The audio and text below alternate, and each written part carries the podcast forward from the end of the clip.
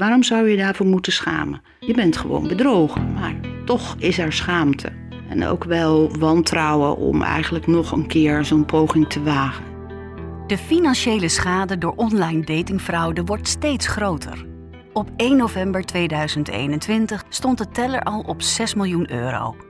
De verwachting is dat over heel 2021 de schade tot 7 miljoen oploopt. Bijna twee keer zoveel als het jaar ervoor. Toch denken deskundigen dat het werkelijke schadebedrag nog wel hoger is. Lang niet alle slachtoffers doen aangifte, uit angst of schaamte. Volgens de Fraude Helpdesk, het meldpunt voor fraude in Nederland, raakt iemand die op deze manier wordt opgelicht gemiddeld 30.000 euro kwijt. Vaak door een oplichter die weken of maanden met iemand aan het praten is. En als je nog iets dieper de cijfers induikt, blijkt dat het aantal slachtoffers zo goed als niet groeit. Per slachtoffer wordt alleen meer geld buitgemaakt. Het heeft me heel erg veel verwarring gebracht. Ik denk toch dat het wel de kwetsbaarheid na uh, het alleen weerleven is geweest. Maar ook wel de periode uh, ja, dat je de corona brak aan, geïsoleerdheid, uh, alles. Corona zou best eens een van de redenen kunnen zijn waarom meer mensen online contact zoeken naar iets wat in het echt niet meer zo snel kan. En dan is er ineens iemand die die fictie neerzet. Een sprookje dat het ideaalbeeld is van de gemiddelde Nederlandse alleenstaande. Welkom bij CCV, de podcast van het Centrum voor Criminaliteitspreventie en Veiligheid. Deze serie podcast gaat over datingfraude. Mensen die worden opgelegd door iemand die zich voordoet als iemand anders, bijvoorbeeld op een datingsite of sociale media, en mensen zover weten te krijgen dat ze geld overmaken. Mijn naam is Patty Lou Middelleenheer. We volgen in deze aflevering het verhaal van Christine, 66 jaar en alleenstaand. Christine is overigens niet haar echte naam, maar een schuilnaam. Toen haar man een paar jaar geleden kwam te overlijden, zei hij: Blijf niet te lang alleen. Zoek een lieve vriend om je leven mee te delen. Christine besluit een aantal jaren later om zich in te schrijven bij een datingwebsite. En daarbij gaat ze niet over één nacht ijs. Ik heb gekeken naar reviews van websites, uh, de Nederlandse websites, uh, die goede referenties gaven of die voor een speciale doelgroep waren, bijvoorbeeld 50 plus of uh, je hebt ook een christelijke datingsite, et cetera. En daar teken je dan op in voor een week of voor een maand of drie maanden. Nou, je moet een profiel aanmaken en dan kunnen mensen daarop reageren. Dat heb ik gedaan en na twee weken was het al raak. Christine krijgt een match. Iemand heeft haar profiel op de datingsite gelezen en legt contact met haar via de site. En dat bleek een hele leuke, aantrekkelijke, gelijkgestemde man te zijn. Op de foto's van zijn profiel ziet Christine een aantrekkelijke man. Net als zij, goed opgeleid. Ze vindt hem meteen leuk. Wat is dat toch? Ja, op het eerste gezicht noem je dat dan. Hè? Hij was arts. Uh, hij woonde niet te ver weg. Het type waar ik wel op zou vallen. Hij schreef meteen hoe is het toch mogelijk dat wij gematcht zijn. Nou, dat vond ik op zich ook al een wonder. Ik was in die tijd niet eenzaam of alleen, zegt Christine. En toch krijgt ze steeds meer een band met de man van de datingsite. Ik uh, begon een beetje uh, verliefd te worden en uit te kijken naar de berichtjes. Goedemorgen, heb je lekker geslapen en zo. Nou ja, dat had al twee jaar niemand meer tegen mij gezegd. Het is zo fijn als er ook iemand wat dichterbij kan komen. Tanja Wijngaarden is woordvoerder bij de Fraude Helpdesk. Een organisatie die dagelijks meldingen krijgt van mensen die te maken krijgen met vermoedelijke fraude, waaronder datingfraude. Zij luisteren naar verhalen en geven adviezen. Uh, ja, wat, wat wij uh, verstaan onder datingfraude, dat is zeg maar online uh, romantisch contact met iemand die zich voordoet als een ander en die vroeg of laat om geld vraagt. En dat is even heel kort gezegd, maar in, in, in werkelijkheid is het een, een enorm proces. Het duurt weken, soms maanden en soms zelfs jaren, waarin de oplichter echt um, ja, zichzelf neerzet als een bepaald type, compleet met gestolen foto's, gestolen identiteitsbewijzen. En vroeg of laat is daar de vraag om geld. Jolise Stol is beleidsmedewerker van Slachtofferhulp Nederland. Ook daar komen dagelijks telefoontjes binnen van slachtoffers van datingfraude. Zij vinden de ontwikkelingen zorgelijk en vooral omdat de fraudeurs steeds geraffineerder worden. Nou ja, een, voor, een voorbeeld dat wij eh, goed kennen is in ieder geval een slachtoffer ehm, dat via een datingsite in contact komt met uh, iemand die in gesprek en eigenlijk in elke manier van communicatie, zowel verbaal als non-verbaal, heel veel overeenkomsten heeft met, uh, met deze persoon, met dit slachtoffer. En, dat is ook wat we heel vaak zien, is een uh, geraffineerde werkwijze van de fraudeurs om echt te zorgen dat ze gaan spiegelen, zodat je meteen eigenlijk een connectie voelt en denkt van hé, hey, dit is heel bijzonder dat iemand zo goed bij me past. Ook Christine krijgt steeds meer contact met de man van de datingsite. Die blijkt ook meer en meer belangstelling voor haar te krijgen. Ze krijgt regelmatig berichtjes van hem, ook al heeft ze in feite maar weinig informatie over zichzelf prijsgegeven. Alleen de informatie op de website, uh, dus uh, het niveau van mijn uh, studie, mijn leeftijd. Ik heb mijn eigen naam niet prijsgegeven. Uh, ook niet mijn woonplaats, ook niet mijn telefoonnummer.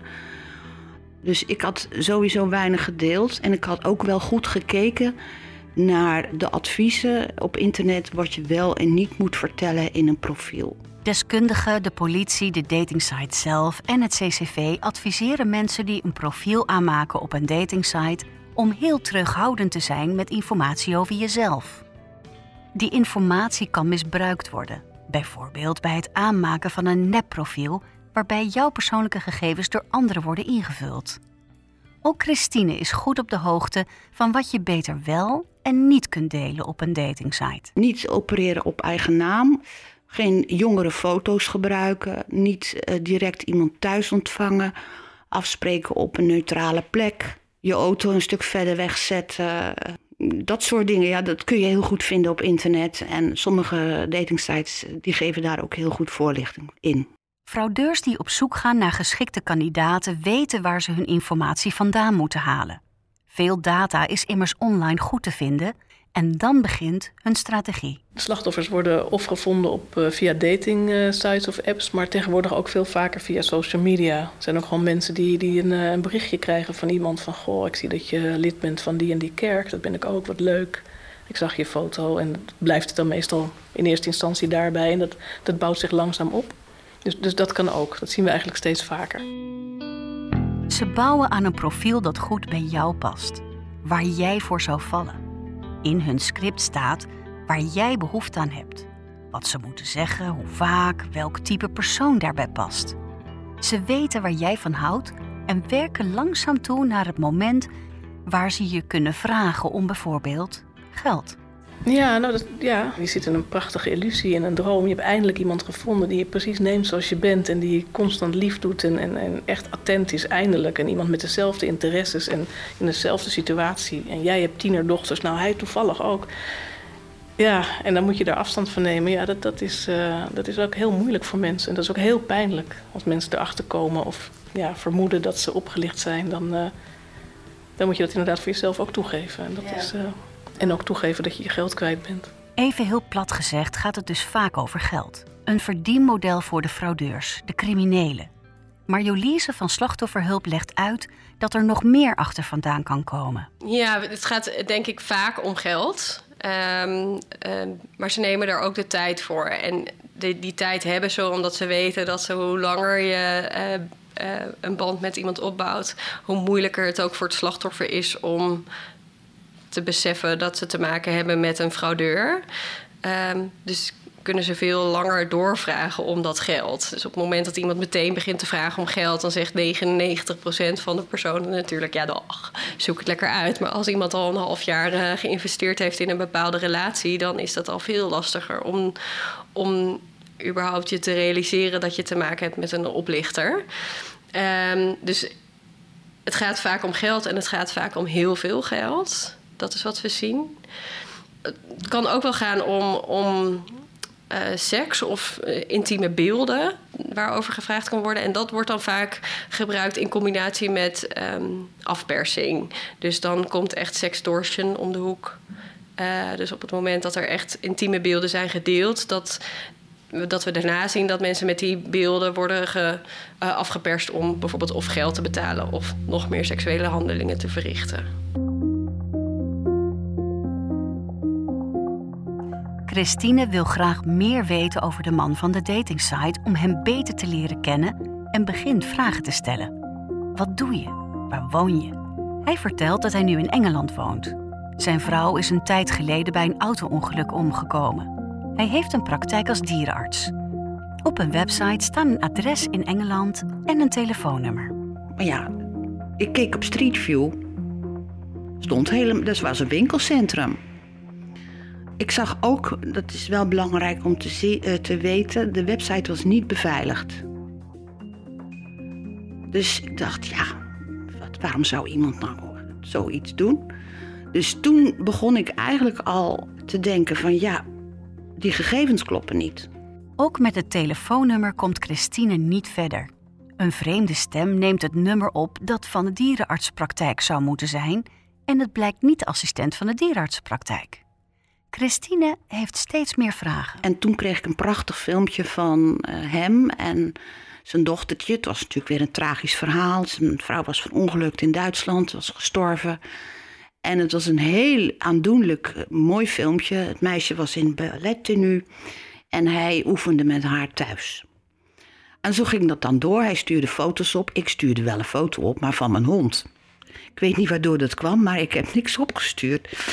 En uh, ja, uh, op een gegeven moment zei ik van nou, ik, uh, ik wil zo graag je stem horen. Maar ik, ik moet toegeven, ik werd toch wel een beetje, ik kwam weer een beetje tot leven. En uh, dat was goed. Toen nam hij op met hallo. En toen dacht ik, er is geen enkele dierenarts die in zijn praktijk opneemt met hallo. Die zegt altijd, ik, dok, ik ben dokter dierenarts Black Dekker of zoiets. Dus dat vond ik al heel vreemd. Op dat moment besluit Christine om onderzoek te gaan doen. Ze probeert zoveel mogelijk informatie over de man van de datingsite te verzamelen. Waar heeft hij gestudeerd? Is zijn praktijk ingeschreven? Maar ze vindt geen enkel antwoord. Toen ik ontdekte dat die praktijk niet bestond, heb ik uh, de universiteiten in Engeland nagekeken, naar de registers of hij daar afgestudeerd was. Ik heb zelfs een familienaam nagetrokken internationaal, want hij gebruikte dus een naam. Ook niet. Ik heb naar de Kamer van Koophandel gekeken in Engeland. Niet bekend. Dus op een gegeven moment, er zijn wel manieren om te kijken van... hé, hey, er valt mij iets op. Ga ik er iets mee doen? Of wacht ik het gewoon maar af? En ik heb dat niet gedaan. Lang niet iedereen zal zo grondig gaan zoeken als Christine. Maar Jolise van Slachtofferhulp Nederland wil mensen die online zoeken naar een partner wel aanmoedigen om kritisch te zijn over welke informatie ze delen en met wie. En als je contact krijgt met iemand, Google online eens of de foto's die je ziet wel kloppen. En dan heb je het natuurlijk niet alleen over datingfraude, maar dan gaat het al wel veel verder dan dat. Dan heb je het over identiteitsfraude en over um, nou ja, bijvoorbeeld het hacken van een computer om uh, bij beeldmateriaal te komen en dat uh, te gebruiken. Maar op het moment dat je in een datingsite contact legt met iemand en je geeft ook maar een beetje van je gegevens bloot.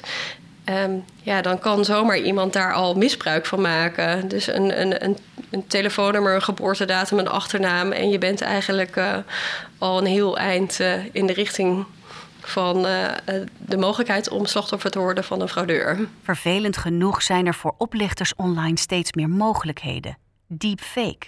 Het aanpassen van audio en video, zodat je iemand in beeld dingen kunt laten zeggen die hij of zij in werkelijkheid nooit gezegd heeft, zegt Tanja.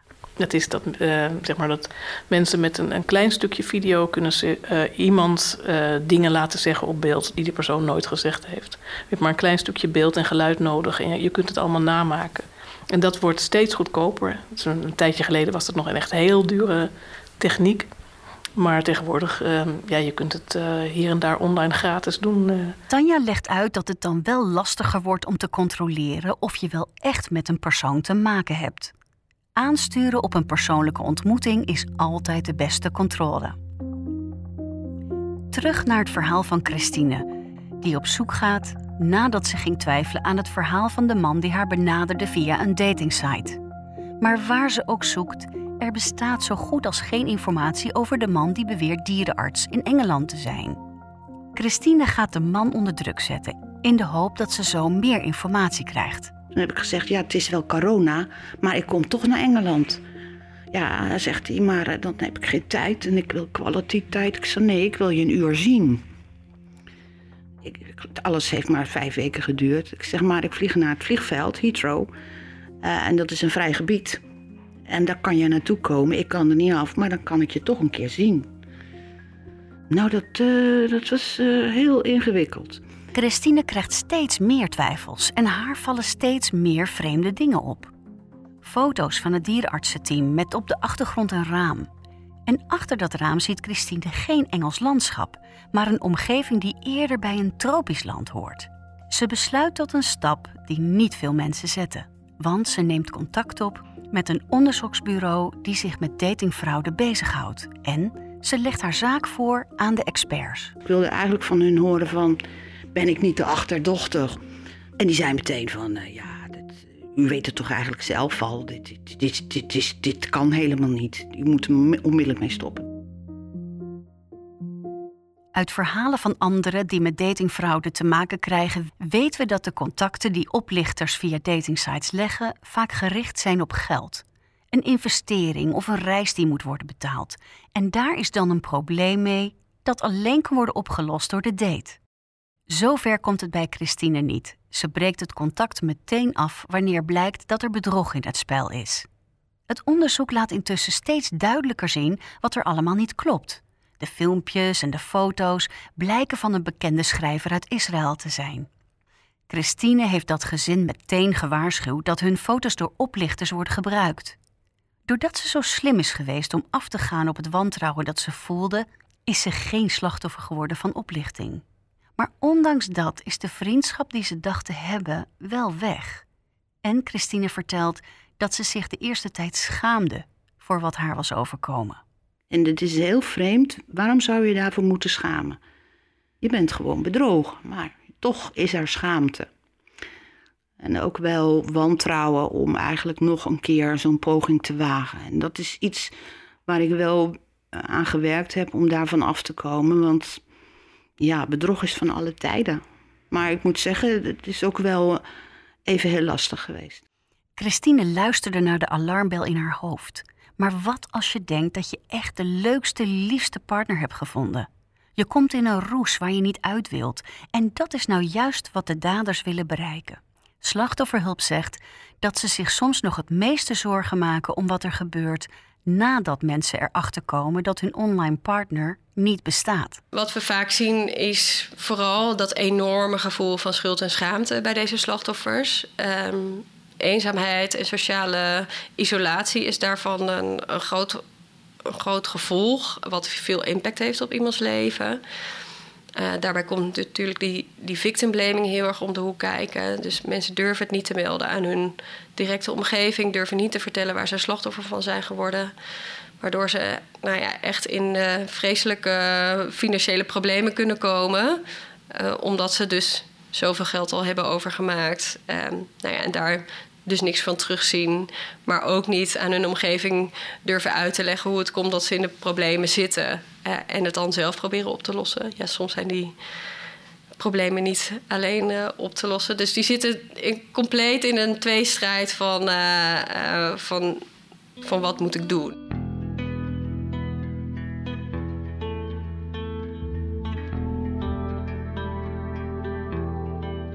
Wat opvalt is dat datingfraude iedereen op een datingsite kan overkomen, wat je afkomst of vooropleiding ook is.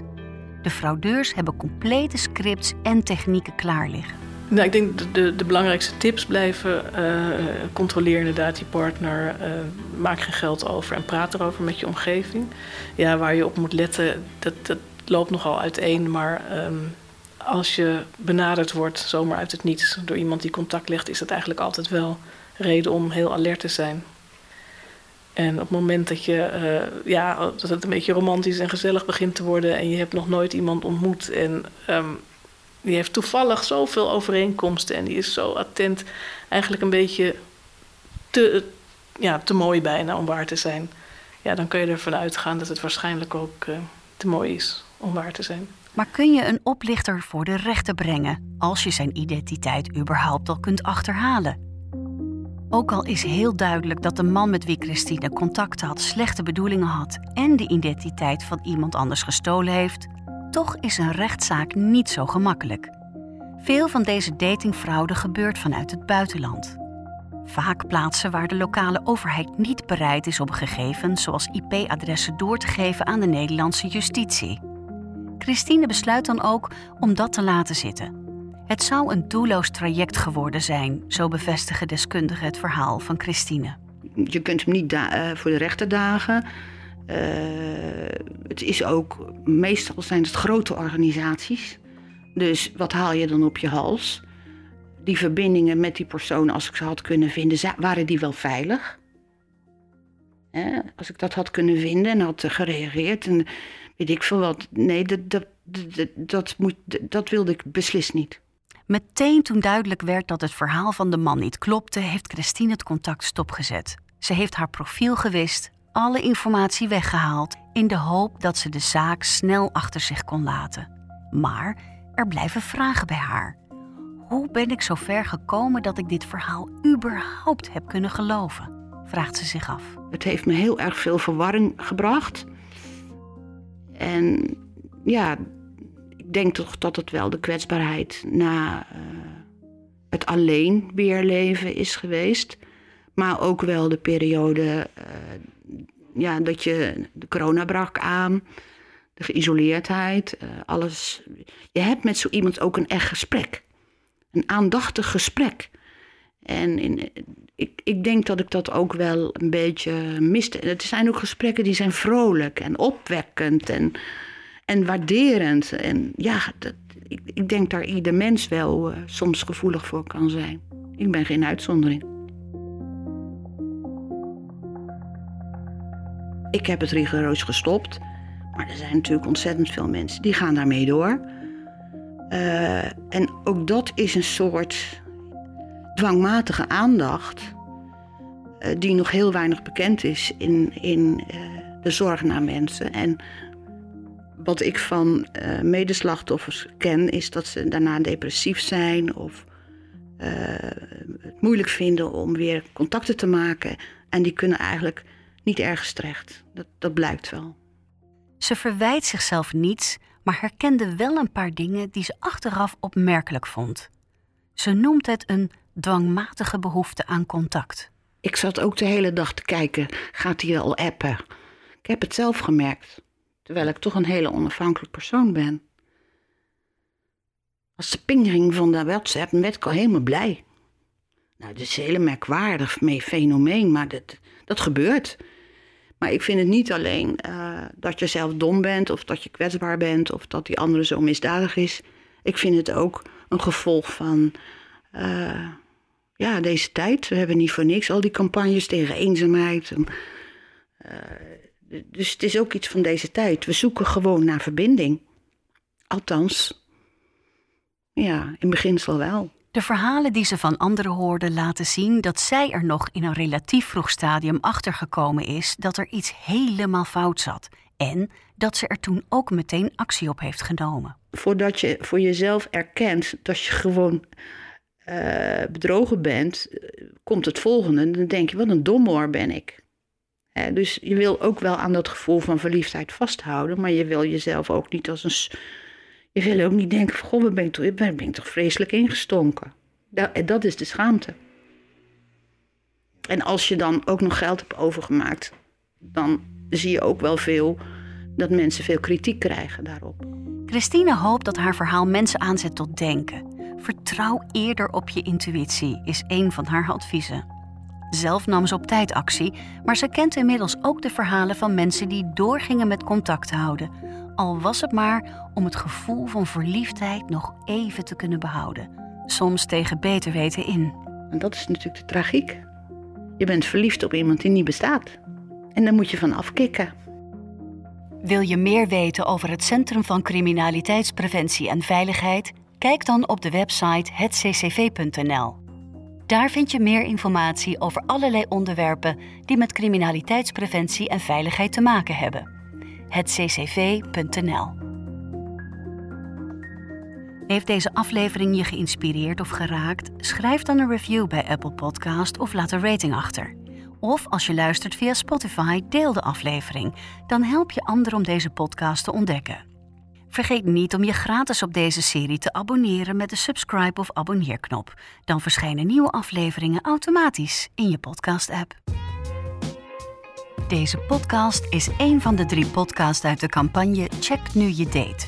Een samenwerking tussen het Centrum voor Criminaliteitspreventie en Veiligheid, het Ministerie van Justitie en Veiligheid, de Fraude Helpdesk, Slachtofferhulp Nederland, Gemeente Amsterdam online dating service Expert Match Group, datingplatforms Tinder en Lexa en de Online Dating Association.